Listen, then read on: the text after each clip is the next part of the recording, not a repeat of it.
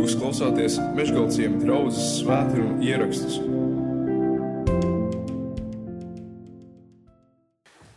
Labvakar!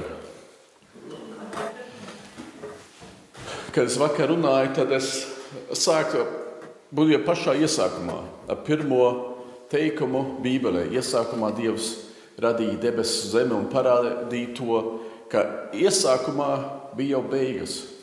Iesākums nebūtu bijis, ja dievam nebūtu beigas viņa galvā bijušas, un ka viņš kā stratēģis domāja no beigām uz priekšu. Viņš nebūtu iesācis, ja viņš nebūtu zinājis, kur viņš grib, kur viņš grib nonākt.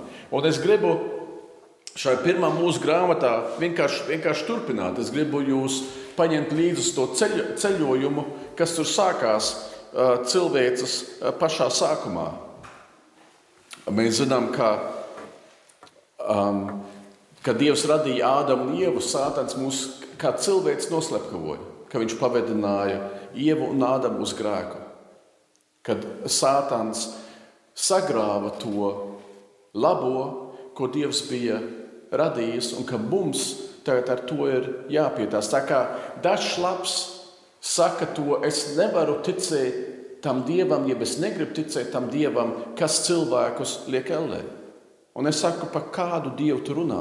Jo visa šī grāmata, visa Bībele liecina par dievu, kas tieši dara to, to pretējo. Ellē mēs visi nonāksim. Tas ir tā grēkā krišanas dēļ, Ādama un Ievas dēļ, to, to, ko viņi darīja. Bet tas Dievs, par ko runā Bībele, no paša sākuma ir tas Dievs, kas tieši nāk, lai mūs glābtu. Tā kā Jāņa Evanģīlijā, 3. nodaļā, 16. pantā ir teikts, un Dievs tik ļoti mūs tik ļoti pasauli mīlējis, ka viņš deva savu vienpiedzimušo dēlu, lai neviens, kas viņam tic, nepazūs, bet iegūtu mūžīgo dzīvību. Jo 17. pāns Dievs nesūtīja savu dēlu pasaulē, lai tas pasauli tiesātu, bet lai pasaules ar viņu tiktu glābta. Tas nozīmē, tas Dievs, ko mēs sludinām, tas Dievs, ko mēs Bībelē iepazīstam, ir tas Dievs, kas tieši mūs grib izglābt no ēlas. Tas Dievs, kas ir tieši glābējs un pestītājs. Ka viņš kā tiesnesis, ka viņš kā svētais, ka kā grēks tiek sodīts, tas ir skaidrs. Tas ir skaidrs kā āmen baznīcā. Bet mūsu Dievs ir tieši tas, kas ir devies misijā, devies uzdevumu, devies karā. Tieši pret to ļauno, tieši pret grēku, tieši lai izglābtu cilvēkus no ēles un nevis viņus tur, tur ieliktu. Mēs bijām, ja es biju arī domājis, un arī ar Aivaru ar runājos par to, cik daudz aktuāli notiek. Ja kaut kas notiek ap, ap mums, Zinu, kaut kas jauns, kaut kas tāds, kas mūs var izbiedēt, vai runāt par to, jeb nerunāt par to. Un es domāju, bet šovakar runāšu par kaut ko um, fundamentālu, kaut kādu pamat, pamatvērtību cilvēku dzīvēm. Nav tā, ka es nezinātu to, kas mums notiek, un tas Um, kas mana, viena no manām māsām dzīvo Izrēlā. Un redzot to, uh, kā viņai iet, jeb, jeb, kas notiek. Um, bet es domāju, ja mēs tās pamatvērtības, ja mēs tās pareizi ieliekam savā vietiņā, tad arī pārējais varbūt nokārtosies. Un tādēļ vienkārši, vienkārši šis temats, ka, dievam, ka dievu var arī nepamanīt, vai dievam var, var paiet garām. Kad Dievs radīja cilvēku, viņš teica, viss ir labs, Sātans mūs noslaktēja. Un nonāca tik traka, ka Dievs vienā brīdī teica, zini, ko visa cilvēka cenšanās ir uz ļaunu. Un to jau, es domāju, to mani tas izbiedē. Jo es sekoju Jēzum, apzināti sekoju Jēzum, okay, jau no bērniem, bet apš, at, izšķīros par viņu un atgriezos pie viņa 15 gadu vecumā. Un tomēr vēl visu laiku ir tā, manā sirdī, mana sirds ir spējīga uz ļaunu. Parādās varbūt tagad ne tik brutālā, es negribu, negribu ne pret vienu iet, iet karā. Tā, bet man pietiek braukt ar auto, un kāds man ierauj tā priekšā, zina, es varētu vārīties. Tas nozīmē, es manu to, ka mana sirds arī vēl šodien ir spējīga uz ļaunu. Tas nozīmē, pats no sevis es nevaru sevi izglābt, atpestīt. Es esmu bijis mājās, mājās pie kāda, kas tic um, New Age, ezotērikai, austrumu reliģijām. Viņa mājās ir viens liels plakāts, karājās, kur bija teikts, uh, glābšana nekad nenāk no ār, ārienes, glābšana ir atrodama tevī. Un es skatos uz savu dzīvi, un es esmu pietiekami gudrs, lai saprastu, uh, no sevis Es nevaru tikt pestīts. No sevis es nevaru, eh, nevaru tikt glābts. Es zinu savu, savu sirdi, es zinu, kas, kas tur ir, uz ko es esmu spējīgs. Man vajag pestītāju no ārpuses. Man vajag vienu pestītāju, kas nāk no debesīm un mani izvelk no tā, kur es esmu, es esmu, es esmu iestidzis. Un tā Bībelē no pirmās lapas ir, ir pilnīgi redzams, ka cilvēkiem mums ir vajadzīgs kāds pesītājs no ārpuses, kas atnāk un mūs izglāb. Jo no, jo no mums pašiem mēs nevaram. Mēs esam varbūt kādu brīdi labi, un tad bum, atkal kaut kas notiek. Un tu atkal sāc ķeproties no tā ārā, kurā tu pats esi iestidzis. Mums vajag kādu, kas mūs pārmaina no iekšienes, jo tas, ko Sātans nodarīja mums, kā cilvēkiem, caur Ādamu un Ievu, tas mūs ir ietragājis. Mums vajag pestītāju. Tādēļ Dievs sūtīja, Dievs sūtīja Jēzu. Toreiz, kad Dievs atklāja, atklāja, ka viņš teica, ka cilvēka tiekšanās ir tikai uz ļaunu, ko, ko darīt. Viņa pirmā lielā soda diena, plūda, kad viņš patiešām teica, es iznīcināšu to es, mans sots skars visu šo pasauli. Un nav jau tā, ka tikai tur tas sots uz cilvēkiem gaidīja vai cilvēku sasniedz. Arī mūsu nākotnē ir tas sots, ka Dievs gaidīs uz mums kā tiesnesis. Un ka tādēļ mums ir šodien jāizšķirās, kurā pusē mēs gribam stāvēt. Katram cilvēkam šodien jāizšķirās, kurā pusē viņš grib stāvēt, jo tas sots būs arī nākotnē. Dievs teica, tas nenotiks caur plūdiem, tādēļ kā zīme varavīksne. Mana uzticība, es, es turēšu savus, savus solījumus. Bet tomēr nākotnē mēs stāvēsim Dieva priekšā, viņa tiesas priekšā. Mūs arī tas gaidīs, un tādēļ Dievs šodien saka, izšķiries, kurā pusē tu gribi stāvēt. Un neizšķiršanās ir izšķiršanās pret. Tad, kad Dievs lieka plūdiem nākt, un tā lielā traģēdija notika, tad tomēr parādās atkal tā dieva labestība. Visā Bībelē tu redzi, ka galvenais varonis, pa spīti visiem dažādiem cilvēkiem, galvenais varonis ir vienmēr Dievs un kā viņš darbojās un ko viņš dara. Viņš lika Noā būvēt šķirstu. Viņš atveda visus dzīvniekus. Tas nozīmē, Dieva sirdī ir tas izglābt, nevis iznīcināt. Tā ir viņa sirds cenšas viņas sirds vēlmes izglābt un neiznīcināt. Un cilvēki, dzīvnieki nāca pa pāriem, lai iet visā šķirstā. Un viņš teica, atrad visus taisnos cilvēkus, un bija tikai astoņi. Noā un viņa ģimene. Un tos, tos viņš izglāba. Un ar Noā viņš kad plūdi bija beigušies, tad Dievs svētīja Noā un teica, atkal piepilda zemi, strādā šeit, darbojies. Un, kad viss šī cilvēks atkal, atkal pieauga, tad Dievs iz, izvēlējās vienu ģimeni. Un mēs, kas lasām Bībeli, mēs zinām, Ābrams, Ābrams un Sāra, kas vēlāk kļuva par Ābrahāmu. Ja, ebrejs Abrahām, Abi ir tēvs un Rahām ir, ir daudzums. Viņš kļuva par daudzu tēvu. Un Dievs izšķī, izšķīrās par Ābrāmu. Viņš teica, 12. nodaļā, 1. pantā, tas kungs sacīja Ābrāmam, izej no savas zemes, no savas cilts, no savām tēva mājām uz zemi, kur es tev rādīšu.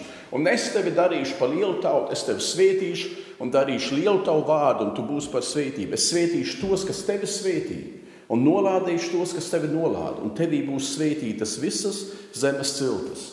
Šī svētība, šis dieva apsolījums vēl visu laiku ir derīgs. Un Ābrams izgāja, kā tas kungs to viņam bija sacījis, un līdz ar viņu aizgāja Lats. Lats ir viņa Ābrama brāļa dēls. Un Ābrams izjūt no Hāranas, bija 75 gadus vecs, un Ābrams ņēma sāru, savu sievu un savu brāļa dēlu Latu, un visu īpašumu, kā tie bija ieguvuši, un visas dvēseles, kādas tie Hāranā bija iemantojuši. Un tie izgāja, lai dotos uz Kanānu, un tie nogāja uz Kanāna zemi.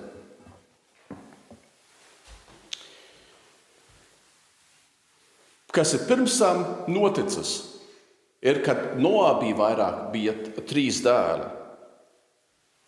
Un Šems, viņam bija vairāk dēlu, Šems, Hebers un Joktāns. Un Joktāna pēctecēji, tagad jums jāiztur tos vārdus. Šem, šemap tas vārds ebrejas nozīmē, šems nozīmē vārds. Ja? Viņa vārds nozīmē, nozīmē vārds. Tagad šems, Hebers, Joktāns. Joktāna pēcnācēji tie cilvēki, kas iet uz austrumiem un saka, mēs jau gribam vārdu. Mēs jau gribam pagodināt. Mēs gribam tā, ka mūsu vārdu cildina, un mēs būvēsim torni Bābelē. Kas notiek ar to torni Bābelē? Dievs to redz, Dievs bija devis cilvēkam uzdevumu izplatieties pa visu zemi. Ja pakļaujiet savu to zemi, kopiet viņu, strādājiet, Un cilvēki paliksim kopā. Šis tonis paveiks to, ka mēs paliksim kopā. Tas un tā bija apzināta izšķiršanās atkal pret Dievu. Ko Dievs darīja? Viņš sajauca to toni un sajauca cilvēkiem valodas. Šems, Hebers, Joktāns. Cilvēki gribēja sev slavu, gribēja tā, ka viņu vārds, vārd, viņu vārds tiek cildināts, un Dievs teica, tas ir pretmā to, ko es jums teicu, tas nenotiks. Tagad Šems, Hebers, Pelēks, Ābrama ģimene. Un ko, un ko, Dievs, ko Dievs viņam teica? Es tevi darīšu par lielu tautu, 12. nodaļa, 2. pāns. Es tevi svētīšu un darīšu lielu tavu vārdu, un tu būsi par svētību. Mēs redzam divas, mēs redzam jau pretstatu. Pašā sākumā vienā vietā cilvēks saka, mēs darīsim lielu savu vārdu, mēs rīkosimies pret Dievu, galīgi vienalga, ko viņš ir teicis. Un viņu vārds nepaliek nekas, lai gan mēs zinām Bābeles toni, bet tas viņu slavenu iz, iznīka. Un Dievs pats izvēlās Ābrāmu un saka, tavu vārdu es padarīšu lielu. No tevis nāks lielas, lielas tautas. Un Dievs izrādās kā tas galvenais varonis šajā stāstā, Jo viņš rīkojās, viņš apsolīja Ābrahamam. Un mēs zinām, no Ābrahāma gal galā nāca Jēzus. Tas, ko Dievs apsolīja, tas arī notika. Vēl kaut kas, ja jūs lasat Bībeli no paša sākuma, austrumi nav labs termins. Kā debesu virziens. Trešā, pirmā mūsu grāmatas trešā nodaļā kad Ādams un Ieva ir pastrādājuši to grēku, un Dievs viņus izsviež no, izdzen viņus ārā no paradīzes un aizslēdz ēdeni, ka viņi netiek atpakaļ, eņģelis to sargā. Viņi iet uz austrumiem. Kad Kains nerūpējās par to, ka Dievs teica, grēks tev grib noķert. Saprotu, tas arī mums, vis, tas arī mums visiem ir svarīgi. Kad Kains bija tik dusmīgs uz savu brāli Ābelu, ka viņš gribēja viņu noslēgt. Dievs pirms tam ar viņu runāja.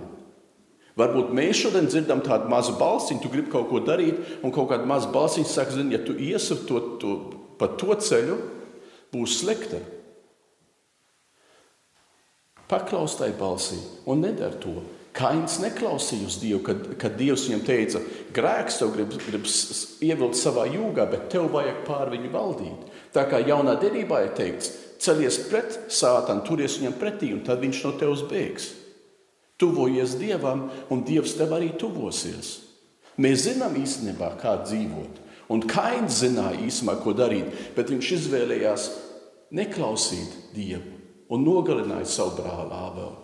Un tad Dievs viņam teica, zemes brēc pret mani. Jo viņa ir atvērusi savu muti, un viņai ir bijis vajadzējis rīt tava brāļa asinis. Tad kainam ir tāds bailes, viņš saka, e, kur lai es tagad eju? Un Dievs dod viņam zīmi, ka neviens viņu atrībību nenogalina, un viņš aizvācās no Dieva tuvuma prom, un uz kurien viņš iet? Uz austrumiem. Tie iedzīvotāji, Bābeles iedzīvotāji, kad viņi gāja Zeīra zemē un meklēja to, to līdzenumu, kur būvēt to tori, viņi gāja uz austrumiem. Tātad kāds, kas lasa Bībeli no paša sākuma, tikko kā kāds piemin austrumus, pirmā mūsu grāmatā, austrume nav pozitīvs, pozitīvs termins.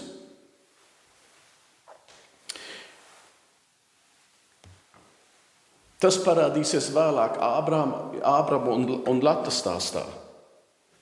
Bet Ābrama tagad, Ābrama aicinājums, kad Dievs izvēlās Ābramu, notiek pēc, um, brīv, pēc vienas tādas situācijas momenta, kad Dievs soda cilvēkus. Jo 11. nodaļā cilvēki gribēja būvēt Bābeles torni, Dievs to iznīcināja. Tas nozīmē, ka Dievs sodīja tos cilvēku mēģinājumus, bet viņas soda sekas ir, ka viņš izvēlās vienu ģimeni, vienu cilvēku, lai tā, caur to atkal parādītu svētību visai pasaulē.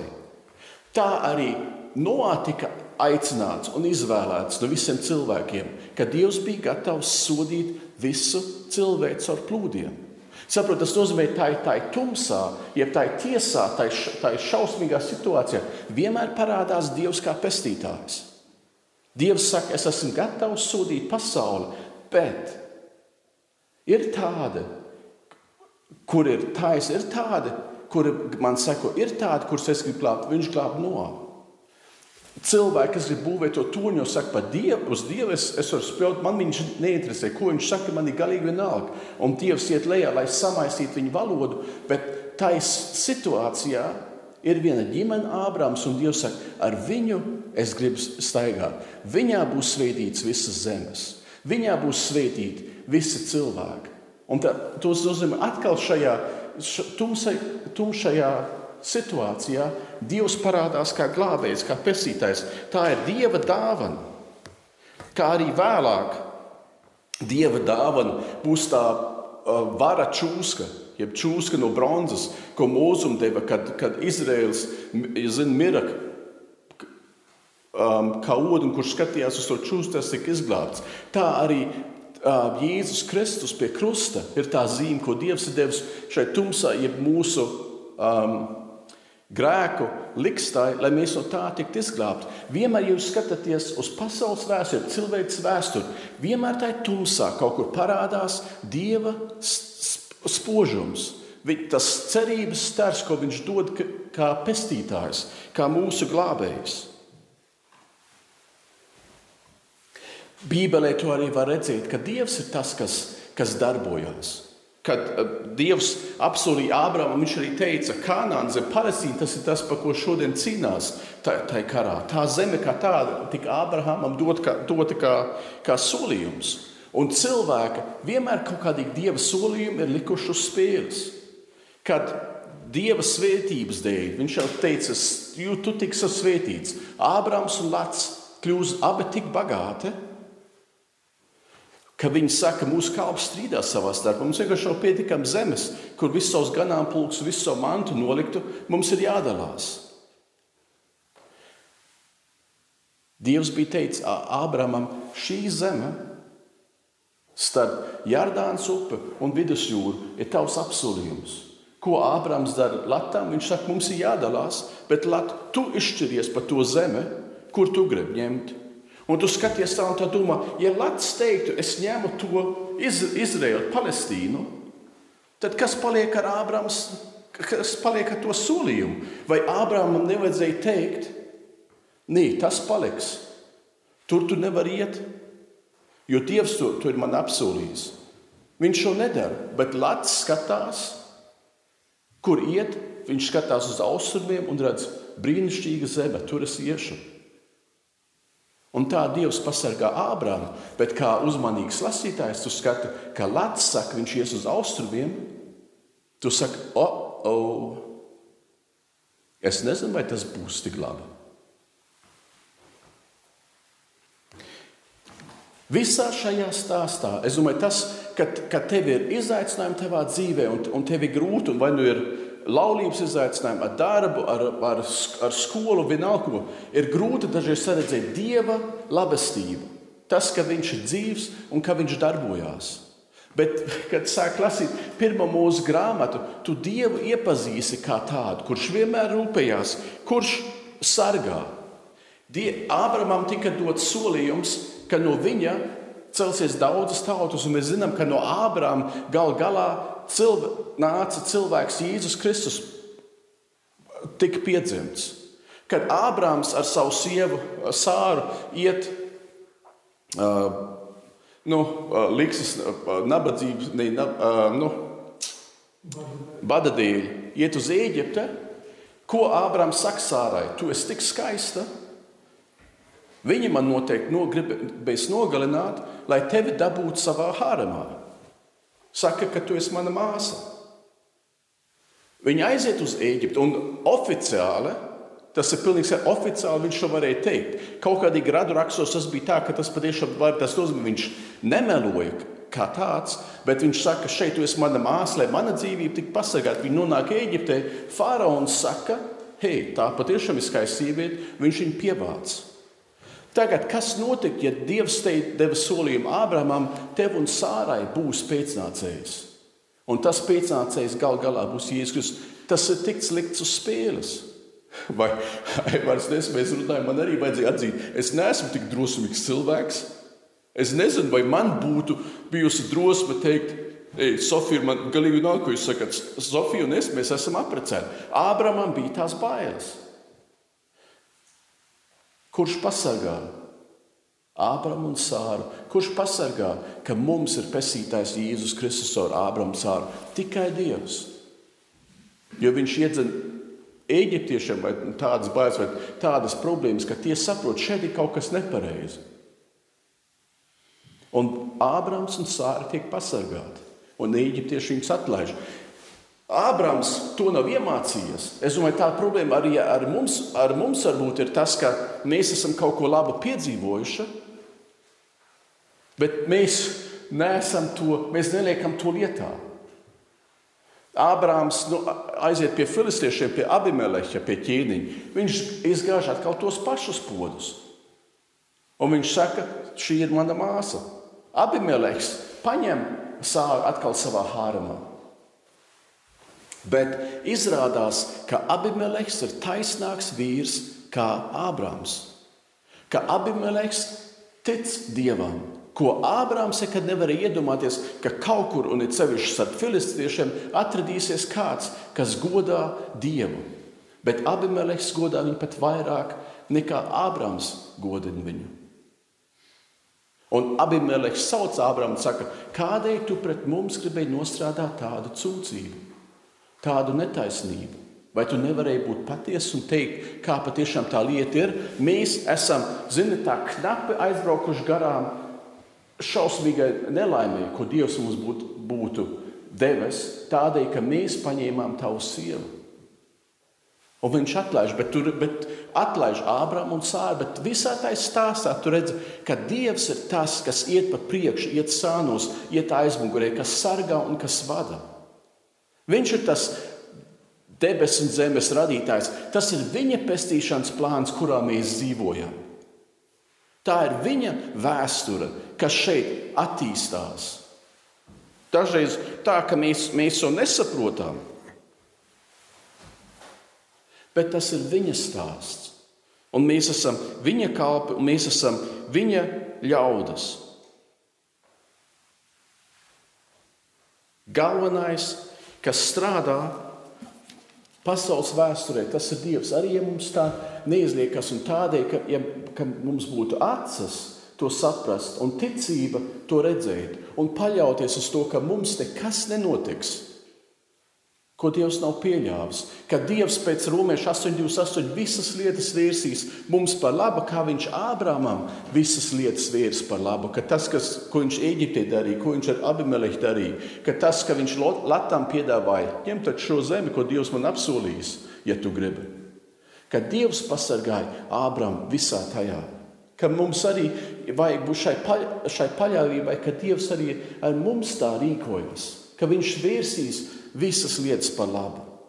Mani um, ļoti iespaidoja, tas ir gandrīz varbūt politiski nekorekti to teikt, bet uh, Amerikas dienvidštāti, zina, kad uh, ziemeļi pret dienvidiem karoja. Dienvidštāti jau tie sliktie un tie ļaunie. Un tomēr starp viņiem bija arī labi cilvēki. Viņiem bija viens ģenerālis, to ziemeļu štātu bija iesaukuši par, par akmens mūras Jacksons. Ja, Jacksons bija viņa uzvārds, bet viņš bija kā ģenerālis tik apdāvināts, ka, ka uh, ziemeļi teica, ka mēs pret viņu dodamies karā, tā ir kā mēs zin, iet pret akmens mūru. Mēs netiekam cauri. Un šis ģenerālis bija, bija tāds, kas nestāvēja savām, uh, savām, savai armijai aizmugurē un diriģēja viņus no aizmugures, bet viņš ar savu zirgu jāaizsarg fronts līnijām. Viņa pamatojums bija tas, es iešu mūžībā, tad, kad Dievs teiks, man ir laiks iet mūžībā. Pirms tam nē. Un starp laikā es darīšu to, ko man vajag darīt. Tas man tā kā zina, es pēkšņi, oh, ok, ja Dievs tāds ir, un es Bībelē redzu, ka Dievs ir tas galvenais varonis, visas sižeta galvenais varonis, ka tad arī es uz viņu gribu paļauties. Tas tas, ko reformators Mārtiņš Luters teica, ka viņš teica, kristieti ir brīvība. Viena kristīga cilvēka brīvība ir tā, ka tu zini, kur tu ej. Ka tu zini, kurš ir pesīt, tavs pestējs, ka tu zini, kurš ir tavs kungs un to drosmi un brīvību dzīvo šeit un šodien un dari to, kas ir vajadzīgs. Jo, kā Aivars man šorīt teica, Psalms 27. psalms, Dāvids to saka.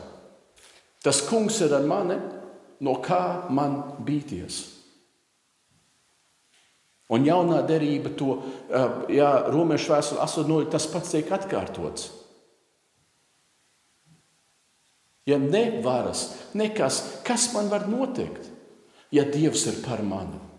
Saprot, tā ir viena pārliecība, tā ir viena pārliecība, ko mums vienkārši jāsatver, ka mēs to zaudējam. Tas ir pilnīgi skaidrs. Tādēļ Bībele arī, kas man pārsteidz, vienmēr ir no paša sākuma. Dievs saka cilvēkiem, izmeklētiem cilvēkiem, varoņiem starp cilvēkiem. Viņš saka, nebaidies. Jūzom viņš saka, nebaidies. Gideonam viņš saka, cik tu reizes nebaidies. Un Gideons saka, ok, es gribu, ka tā vilna ir slapja. Un viņi ir. Un nākamā viņš, bet es gribu tagad, ka tā vilna ir sausa, apkārt, apkārt ir slapjš. Un meklē iemeslus un, un meklē, bet Dievs arī tā ir viņa žēlstība, ka viņš Gideonam parādās tā, jeb atklājas viņam tā, kā Gideonam to vajag. Un tad viņš vēl viņam saka, bet ja tev vēl visu laiku nepietiek, Dievs saka Gideonam, ja tev vēl visu laiku ir bailes, tad ej, naktī aizej pie, aizej pie tiem ienaidniekiem, paklausies, ko viņi runā. Un tad Gideons atnāk ar, ar drosmu atpakaļ. Tas, tas ir mūsu Dievs. Tas ir tas Dievs, kas tiek, kas tiek atklāts Bībelē. Tā kā Jāņa 15. ne Jāņa 5. nodaļā, ka Jēzus Jēzus saka, ka viņam brūk cilvēku virsū. Jāņa 5. nodaļā, 17. pantā ir teikts, bet viņš tam atbildēja, 16. pants jūda, tāpēc sāka Jēzu vajāt, ka viņš to bija darījis sabatā. Bet viņš tam atbildēja, mans tēvs aizvien vēl darbojas, tāpēc arī es darbojos. Mans tēvs vēl aizvien strādā. Nav tā sešas dienas rad, pasaules radīšana. Un tad septītā dienā viņš atpūtās, un tagad Dievs ir pensijā. Jēzus saka, viņš vēl aizvien darbojas, viņš vēl aizvien strādā, un tāpēc es arī darbojos. Un tas ir tavs, tavs Dievs. Tas ir tas, tas Dievs, uz ko paļāvās Mārtiņš Luters, uz ko paļāvās akmens mūris Džeksons, uz ko paļāvās Ābrams gal galā. Jo galvenais varonis šī mūsu pasaules vēsturē ir Dievs. Un uz viņu mēs varam, uz viņu mēs varam paļauties. Un viņš mums to uz, uzsauc, lai mēs arī tā darām. Dievs uzrādījās Ābrām dzīvē. Dievs nav pensijā, viņš nav brīvdienās, viņam nav atvaļinājums. Man patīk tas, ka um, ebrejiem ir tā, diena sākās vakarā. Tagad ir tumsa, Tagad ir jau trešdiena. Man šis ir vakars, zini, es esmu gatavs iet gulēt. Diena beidzās ar to, kas iet gultā, rīt no rīta jauna diena atkal sāksies. Zini, tā kā es esmu pamodies. Ebrejiem tas, tas, ka tu eji gulēt, tā kā naktis sākās, bet diena ar to ir saprot, jauna diena. Kurš šeit ir nomodā? Jo tu guli. Vai tu vari sevi aizsargāt? Nē. Kurš šeit par tevi vaktēja? Tas tas mūžīgais dievs. Es guļu, bet diena ir sākusies. Un kurš vaktēja? Tas, kā Bībele saka, Izraēlas sargs, kas nesnauž un ir nomodā, kas ir arī mūsu sargs un mūsu dievs. Jautājums ir tev, vai tu viņu tā pazīsti, vai tu uz viņu tā paļaujies, ka tu zini, ka viņš tevi mīl tā, kā Bībele to saka, ka tu biji grēcinieks. Man pat jāsaka, ka mēs vēl nemaz nebijām dzīvi. Mēs vēl nemaz nebijām radīti. Tad Dievs jau savu dzīvību deva par tevi. Kad tu biji grēcinieks, es jau saku, bērn, es audzinu, vai ja esmu audzinājis bērns vairāk vai mazāk tā, tu sakārto savu istabu, tad tu dabūsi plombīnu. Zini, tu nesakārto savu istabu, aizmirst. Tu plombīnu nedabūsi. Tu darīsi kaut ko labu, tad es tev došu kaut ko, kas tev patīk. Dievs saka, tā, šeit ir tas labais. Dievs negaida uz to, ka tu, ja negaidīji uz to, ka tu savu dzīvi saved kārtībā. Viņš jau apzinājās to, ka tu savu dzīvi nevari savest kārtībā. Man vajag pestītāju no ārpuses. Es no sevis to nevaru, arī es varu mazliet sev lab labot. Es nevaru sev pilnīgi pārvērst. Man vajag to pestītāju no ārpuses, un Dievs dod man savu dāvanu. Pirms es savedu savu dzīvi kārtībā. Tad, kad es vēl biju grēcinieks, tad viņš mirra par mani, un tad nāk tas Dieva apsolījums. Viņš, kas savu dēlu deva par tevi, kad tu biji vēl grēcinieks, tagad, kad tu piederi viņa ģimenei, kā viņš to nedos vēl daudz vairāk? Tas ir ticības jautājums. Tas ir paļāvības jautājums. Aizmirst mēs to varam. Un katram no mums ir, mums ir ticība. Tā kā mans brālēns reiz man teica, ne, ne Aivars, bet viens cits, ka viņš mani apskauž manas ticības uz Dieva dēļ. Un es domāju, oh, zini, ko tu, ko tu iesāc ar tādu komplimentu? Tu gribi, ka, tavs, ka tie citi tic tāpat tā kā tu, un tad saka, es tev apskaužu tās ticības dēļ, un domāju, ja, nu, ko, lai es, ko lai es saku? Un tad, kad es biju mājās, es domāju, tu zābak, tev ir lielāka ticība nekā man. Es nekad neuzjosu mugursomu uz pleciem un izleku no lidmašīnas ārā. Zin, viņš iet lekt ar izplētni. es saku, es patiešām, es patiešām to gribētu. Zin, man tas, tā, man tas zin, kā ideja, man tas interesē. Bet, kad es par to domāju, Zin, man, ir, man ir. Zin, es, es domāju, zin, tas, tas mugursums, tie striķi un tas palaks, kas tur iznāk ārā, un rezerves palaks sev arī ir, tam vajadzētu funkcionēt. Bet man nav tā paļāvība. Es reiz man patīk lidot. Es gribēju kļūt pilots pirms es sāku studēt teoloģiju. Es reiz aizgāju Ziemeļvācijā pie planieriem lidot. Zinu, vienkārši tā, es teicu, man ir 50 eiro, cik ilgi es ar jums to varu uziet gaisā. Un tad mēs lidojam kaut kas pusstundu vai kaut kas tāds. Bet, tā, kad es tur apsēdos aiz, aiz tā pilota aizmugurē, zinu, tas planieris, tur ir tikai, tas tikai finieris, tas ir tik plāns. Viss. Apsēdos tur, viņi teica, o, vai mēs tev jau iedevām, iedevām izplētni? Nē, ok, uzvelk izplētni. Un es apsēžos, un viņš saka, un tā, kad, tā, kad kaut kas notiks, tad tev tas kabīne, tas, tas jumts tev jāspēr nosas loks. Un es tur sēžu, domāju, ko es šeit daru? Manā galvā tur jau tas viss apgriezīsies otrādi. Kā es te kā rāzu? Un ko tad es darīšu? Un es domāju, ok, ok. palikt, palikt tikai iekšā. Mans brālēns to dara. Tev vajag ticību, lai izlektu ārā. Tikai mugursomu uz, uz muguras, uz pleciem. Un vilkt to strūklu. Tas nozīmē, ka katrs no mums taču tic. Un Kristus saka, Dievs uzsauc šo ticību, kas jau tik un tā ir. Kas ir katram cilvēkam? Ticība, bez ticības cilvēks nevar dzīvot. Ja Aivars aizdotu jums savu auto un jūs tur apsēstos iekšā, tad tu zini, tur ir trīs pedāļi. Un tu tici, ka kreisā pusē ir sajūgs. Un tu tici, ka labā pusē ir gāze. Un tu tici, ka vidū ir bremze. Es zinu arī Anglijā vienu invalīdu, kuram ir viena kāja stiprāka kā otra, un viņam tie pedāļi ir apgriezti.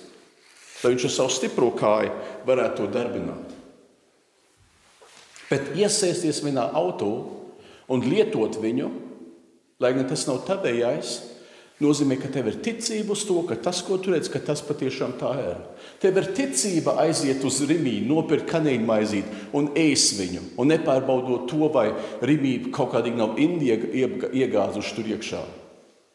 Tu tic, tas nozīmē, ka katrs no mums tic. Un Dievs tikai saka šo ticību, kas tev tik un tā ir.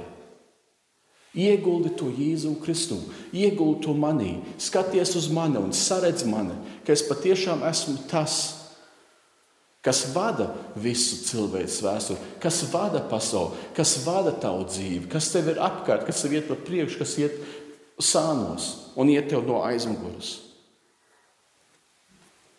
Vai tu viņu pazīsti tā? Un vai tu viņam uzticies? Vai tu gribi vairāk? Un es gribētu dot to iespēju, ja pēc tam, ka, mēs, ka jūs nākat, ka jūs lūdzat ar mani vai ar, vai ar Aivaru pēc, pēc šīs sapulces, dievkalpojuma, ka, ja tu gribi vairāk, ka tu arī lūdz, jo Dievs, kā Bībele saka, Dievs ir devīgs Dievs. Viņš ne, neattur lietas no mums, bet viņš ir devīgs Dievs. Bet tas izaicinājums ir mums, vai mēs Dievu pamanām, vai mēs Dievu redzam, jo Dievam var aiziet garām. Mēs zinām to dziesmu, viena no smukākām dziesmām, kas man patīk, ir Neiet garām, dārgais Jēzu. Tas ir tā, tu stāv šeit un tu lūdz, ka Jēzus neiziet garām. Bet var gadīties tas, ka Dievs tur ir un mēs viņu neredzam. Mēs aizem viņam garām. Un tas parādās Ābrama un Lata dzīvēm. Ābrams 18. nodaļā, pirmā mūža grāmatā. Tas kungs parādījās viņam, tas ir Ābramam, pie Mamras ozoliem, kad tas dienas veicējs sēdēja savas telts durvīs. Un viņš, tas ir Ābrahāms, pacēla savas acis, skatījās un rauga trīs vīri. Stāvēja viņiem priekšā. Ko tu teiktu, ja tu redz trīs vīrus tavā priekšā? To es ieraudzīju, Ābrams steidzās tiem pretī no telts durvīm, noliecās līdz zemē un teica: Mans kungs, ja esmu atradis žēlstību tavās acīs, tad lūdzams neej savam kalpam garām. Dievs ir devis mums savu vārdu. Viņš ir atklājis savā vārdā. Gramatika ir svarīga. Kad Ābrāms redz trīs vīrus, Viņš piesakās viņiem klāt un sveicina viņus un saka, mans kungs. Šis ir tas pirms Sodomas un Gomoras tiesa pār Sodomu un Gomoru, pirms Sodomas un Gomoras iznīcināšanu. Un no 18. nodaļas mēs, un arī vēlāk mēs redzam, patiešām Dievs tur bija starp tiem trīs. Kā tas tieši notika, to mēs nezinām, bet Dievs patiešām tur bija, un Dievs patiešām runāja ar, ar, ar Ābrāmu. Un Ābrams redz tos trīs vīrus, un viņa sirds ir tik baiga pret Dievu. Dievu viņš, viņš tā pazīst tik labi, ka, kad tie trīs vīri parādās. Viņš saka, mans kungs. 19. nodaļa, tikai ātri pārlecam uz pāri. 18 un 19 nodaļa parāda tā kā, tā kā ko nozīmē spogulis, bet pretstats starp Ābramu un Latu. Abi iesāk tajā pašā vietā. Ābrams un Lats izgāja no Hārānas, jo Dievs sauc Ābramu. Ābrams ņēma savu brāļa dēlu Latu līdzi, jo viņa brālis bija miris. Viņi abi zināja, kas ir Dievs. Dievs viņus abus ir svētījis, viņi abi ir bagāti. Lats aizgāja uz austrumiem. Divi eņģeļi, 19. nodaļa, 1. pants. Divi eņģeļi nonāca vakarā Sodomā, bet Lats dzīvoja Sodomas pievārtē. Vēlāk ir arī skaidrs no tā, ka tas arī caur tiem diviem eņģiem tas kungs runā ar latu. ka tas, ka tas kungs ir tur. Bet Lats ieraudzījis tos, cēlās viņa priekšā, klanījās ar savu vaigu līdz zemē, un viņš sacīja: Dariet man patikšanu, mani kunga, un ņemiet sava kalpa namā naktsmājas. Ābrahāms atklāja un redz, ka šeit ir vairāk kā cilvēks, ka ir vairāk kā trīs vīri, ka tur ir kungs viņu starpā, jeb ka viņi nāk kā tā kunga sūtņa, reprezentē, un viņš saka, mans kungs. Lats viņus redz, un viņam nav ne mazākās jausmas, kas tur stāv viņa priekšā, un viņš saka, esiet sveicināti, mani kungi. Lats aizgāja uz austrumiem. Un no pirmās mūsu grāmatas mēs redzam, ka austrumi nav. Toreiz es negribu teikt, ka arī šodien, lai gan mums ir pietiekami daudz vēstures, vēsturē iemeslu teikt, ka arī, arī šodien austrumi nav, nav, nav pozitīvs termins. To, to es nesaku, bet toreiz, kā, tā, kā Bībele ir uzbūvēta, kā mums atstāstīts, austrumi nav labs termins. Pēc grēkā krišanas Ādams jau tur aizgāja. Kains bija uz austrumiem, Bābels to, to būvēja austrumos, un Lats aizgāja uz, uz austrumiem. Otrais, Pētera vēstulē, otrā nodaļā, Pēters raksta.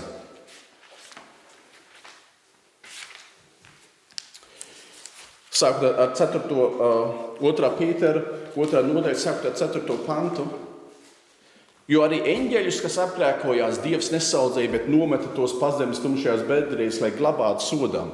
Viņš arī nesaudzēja seno pasauli, bet sūtīdams plūdus bezdīvīgajai pasaulē, izglāba tikai taisnības sludinātāju Novu līdz ar septiņiem citiem.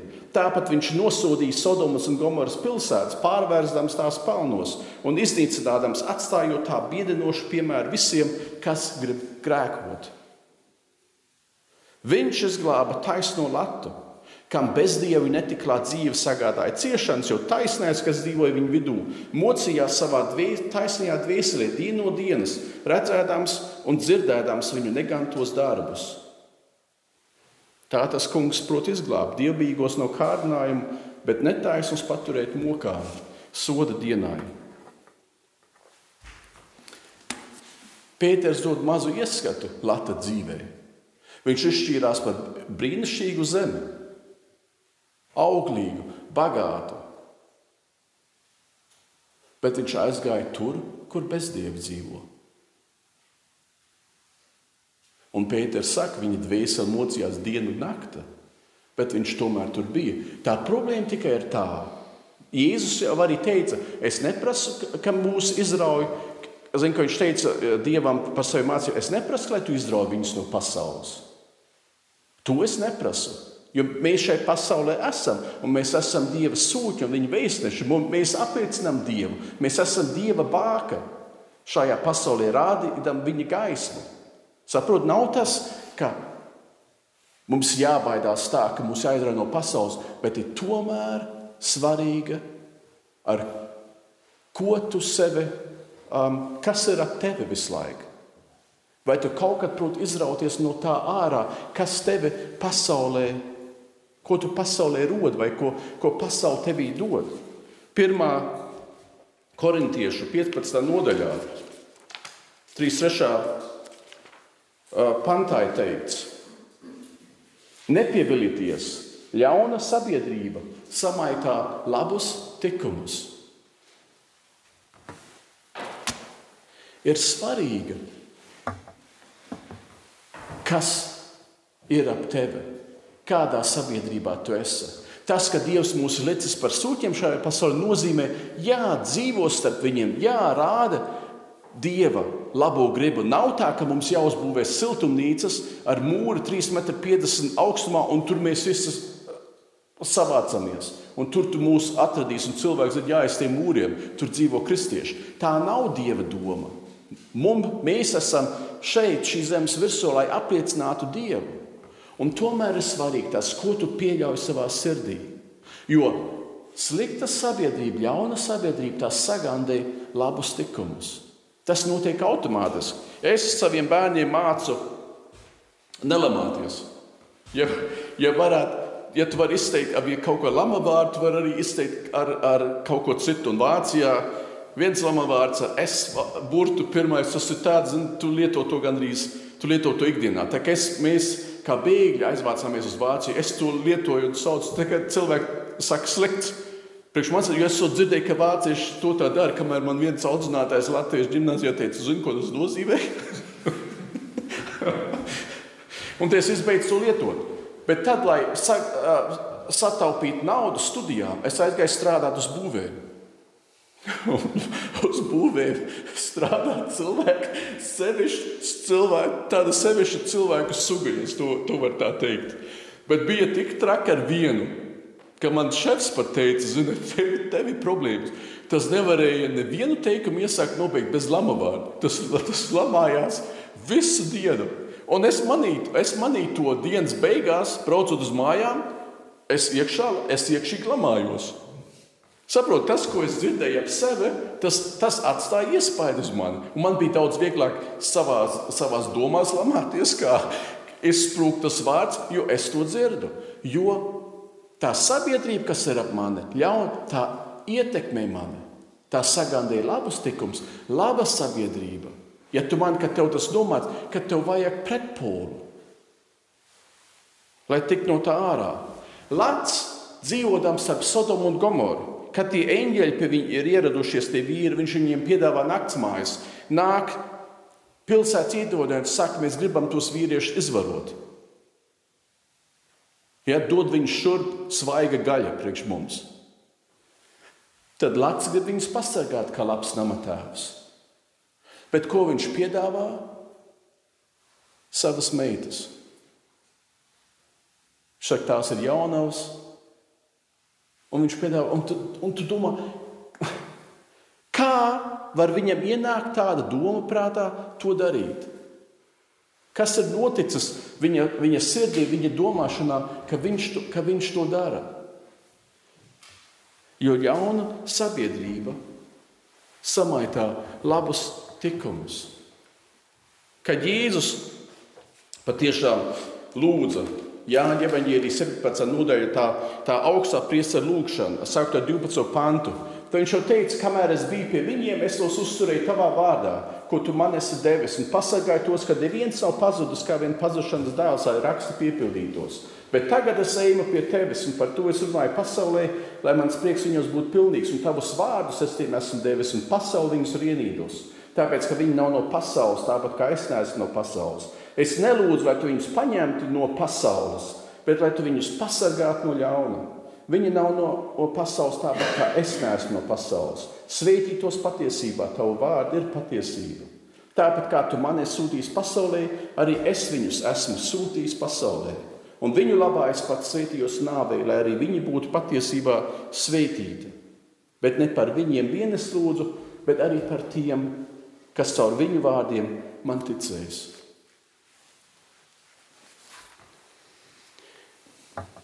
Tas, ko es teicu, Dievs nesaka, izņemt no pasaules. Mēs dzīvojam šeit pasaulē kā viņa gaisma. Bet ka Jēzus lūgšana ir, ka arī mēs tiekam pasargāti no ļauna. Un tādēļ mums ir draudzene, tādēļ mums ir Dieva vārds, ka mēs tiekam pasargāti no pavadināšanas uz, uz ļaunu. Tā kā 2. Pētera 3. nodaļā Pēters raksta, ka jūs mīļotie, ka jūs jau zināt to iepriekš, sargāties, ka jūs Grēcinieku pavadināšana neaizrauja līdzi, un ka jūs pazaudējat savu drošo pamatu. Pieaudziet mūsu kunga un glābēja Jēzus Kristus žēlastībā, viņa atzīšanā, viņam lai ir gods tagad un mūžībā. Redziet, tumsā būt gaismai. Tas ir mūsu aicinājums. Tādēļ mēs jau šeit esam. Tādēļ Dievs nav teicis, tikko kā tu esi atpestīts, izšķiries par jēzu, plop, plop, viss ir debesīs un pazūd.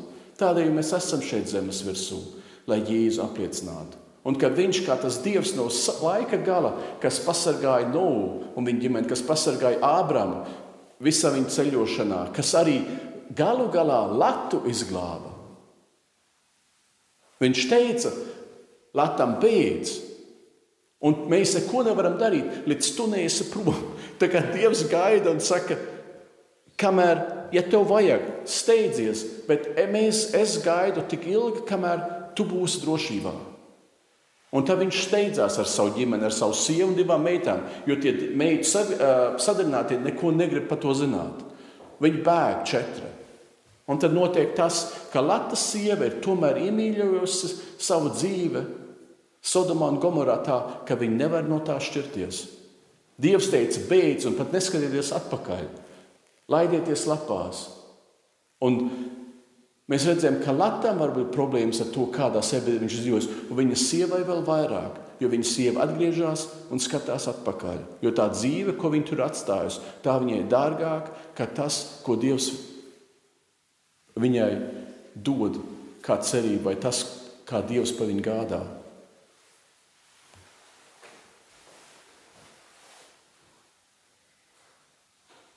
Starp cilvēkiem, kuriem mēs dzīvojam, ir svarīgi, ka tu izvēlies. Ir svarīgi, ka tu cīnies pret to, ka tas varbūt tas trulums, vai tā kā man uz tām būvēm bija, ka tas, ko tu dzirdi, ka tas tevi neiespaido tā, ka tu apzināti meklē labo ka tu apzināti nāc uz draugu.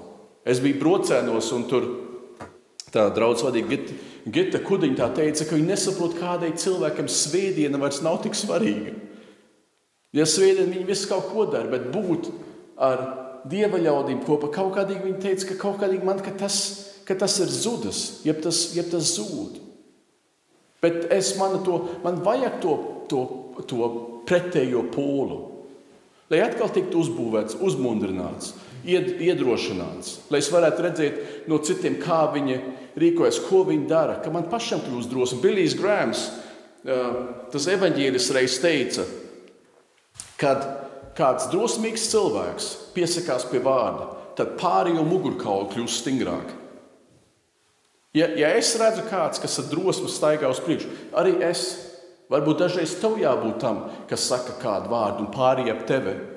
Viņa muguras iztaisnojās, jo viņiem pēkšņi ir drosme. Viņi redz, nav tikai tā, ka visi iet pa pieskaru, bet arī ir kādi, kas cīnās par to labo. Lats Dievu neatpazina tūliņu. Tas tikai panāca vēlāk. 19. nodaļa, 18. pantā Lats teica viņiem, kad viņi teica, stied, skrien un steidzies un pazūd beidz. Tad viņš teica viņam, ak, nē, mans kungs. Tad Lats redzēja, ka tas patiešām ir Dievs, kas ir ar viņu runājis. Dievs Latu neatstāja. Dievs izglāba viņu. Sodoma tika iznīcināta, bet Zoāras pilsēta, uz kurien Lats bēga un šeit kalnos es nevaru tikt, tā arī tika paglābta. Tas nozīmē, tas Dievs, Bībeles Dievs, kā mēs sekojam, tas ir žēlsirdības Dievs kas mums mūsu grēkus piedod un kas mūs izglāb no tā ļaunā un, net, un no netaisnības mūsu šķīstī. Un kas grib, ka mēs dzīvojam attiecībās ar viņu. Bet no nekā, kā vācieši saka, no nekā nekas nenāk. Jā, um, otrā mūsu grāmatā, 3. nodaļā, 11. pantā ir teikts, kungs runāja ar mūzu, ja no sejas sejā, kā viens vīrietis runā ar savu draugu. Un tad Mūzes atgriezās atpakaļ nometnē. Bet viņa kalps, Jozovā, Nuna dēls, jaunais vīrietis, tas nedavās no telts projām. Jozovs bija nākamais Izraēla vadonis. Viņš palika Dieva klātbūtnē. Un arī mums jāpaliek Dieva klātbūtnē. Kā mēs to darām? Ar Bībeles lasīšanu un lūgšanu. Mēs zinām īsumā to. Sāc darīt, ja tu neesi to darījis, sāc darīt to atkal. Lai tavs sirds kļūtu maiga un tavas acis redzīgas, ka tā, kad Dievs parādās, tu neaizēji viņam garām. Jo Dievu var arī nepamanīt. Bet Dievs ir, un Dievam tu rūpi. Un Dievs ir nācis tikai, lai tevi atpestītu.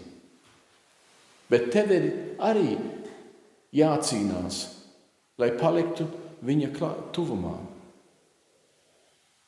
Lats, un mēs varētu koncentrēties to un teikt, Latvijas stāsts tas ir, tas ir šausmīgs un tas viss ir patiesu. Nē, tieši otrādi. Latvijas stāsts par Latu ir par dieva pestīšanu, par dieva glābšanu, par spīti visam, ka Dievs mīl Latu un viņa ģimeni, un Dievs izglāba Latu un viņa ģimeni. Ābrāms ar Dievu bija pirms tam kaulējies, un Dievs bija teicis, viņš saka, Ābrāms saka, 50 taisnība, ja tai pilsētā būs 50 taisnība. Tad Dievs, nē, es neiznīcināšu šo pilsētu, Dievs teica. Un Ābrams domāja, ok, 50 varbūt mazliet par daudz, 40. Un Dievs teica arī ar 40 pilsēta paliks. 30, 20, Lat, Ābrams nokaulēja Dievu līdz 10. Atradās tikai 4 vai pat tikai 3. Pilsēta tika iznīcināta, bet tie trīs tika izglābti. Jo Dievs par viņiem rūpējās, tāpat kā Dievs arī par tevi rūpējās. Vai tu viņu saredzi tā, un vai tu uz viņu tā paļaujies? Un es tev ielūdzu, ka mēs varam kopā, ka tu vari atnākt, ka tu vari izteikt varbūt savas bēdas, vai savas vēlēšanās, vai savas ilgas, lai Dievu atkal tā vairāk apkantu, lai viņi labā vairāk dzīvotu. Jo Viņš ir, un Viņš ir tas, kas ir mūsu sižets, mūsu vēst, cilvēks vēstures galvenais varonis. Jo viņš grib, ka mēs nonākam mājās. Viņš grib tevi izglābt, un viņš tevi ir izglābis. Un viņš grib tevi aizvest līdz galam, tam labam galam, ko viņš ir plānojis. Bet ne tu, ne uz austrumiem. Tagad ne īstā geogrāfiskā nozīmē, bet ne uz austrumiem. Paliec viņa klātbūtnē, kop tās attiecības ar viņu. Bet pār tam visam ir Dievs savā žēlastībā, kas nesnauž un kas neguļ. No kā mums bīties, ja Viņš ir ar mums? Un tu zini, ka Viņš tev mīl, jo Viņš savu dēlu Jēzu Kristu atdeva par tevi. Āmen!